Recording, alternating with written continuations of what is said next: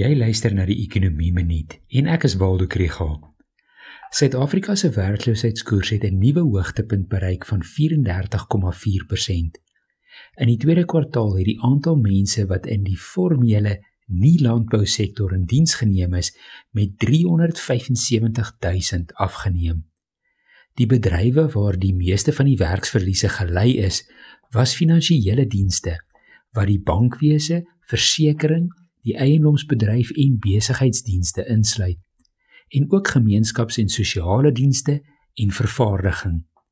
Die werke waar die grootste verliese gelei is, is klerklike werk, verkope en dienslewering en ook tegnisie en toerustingoperateurs.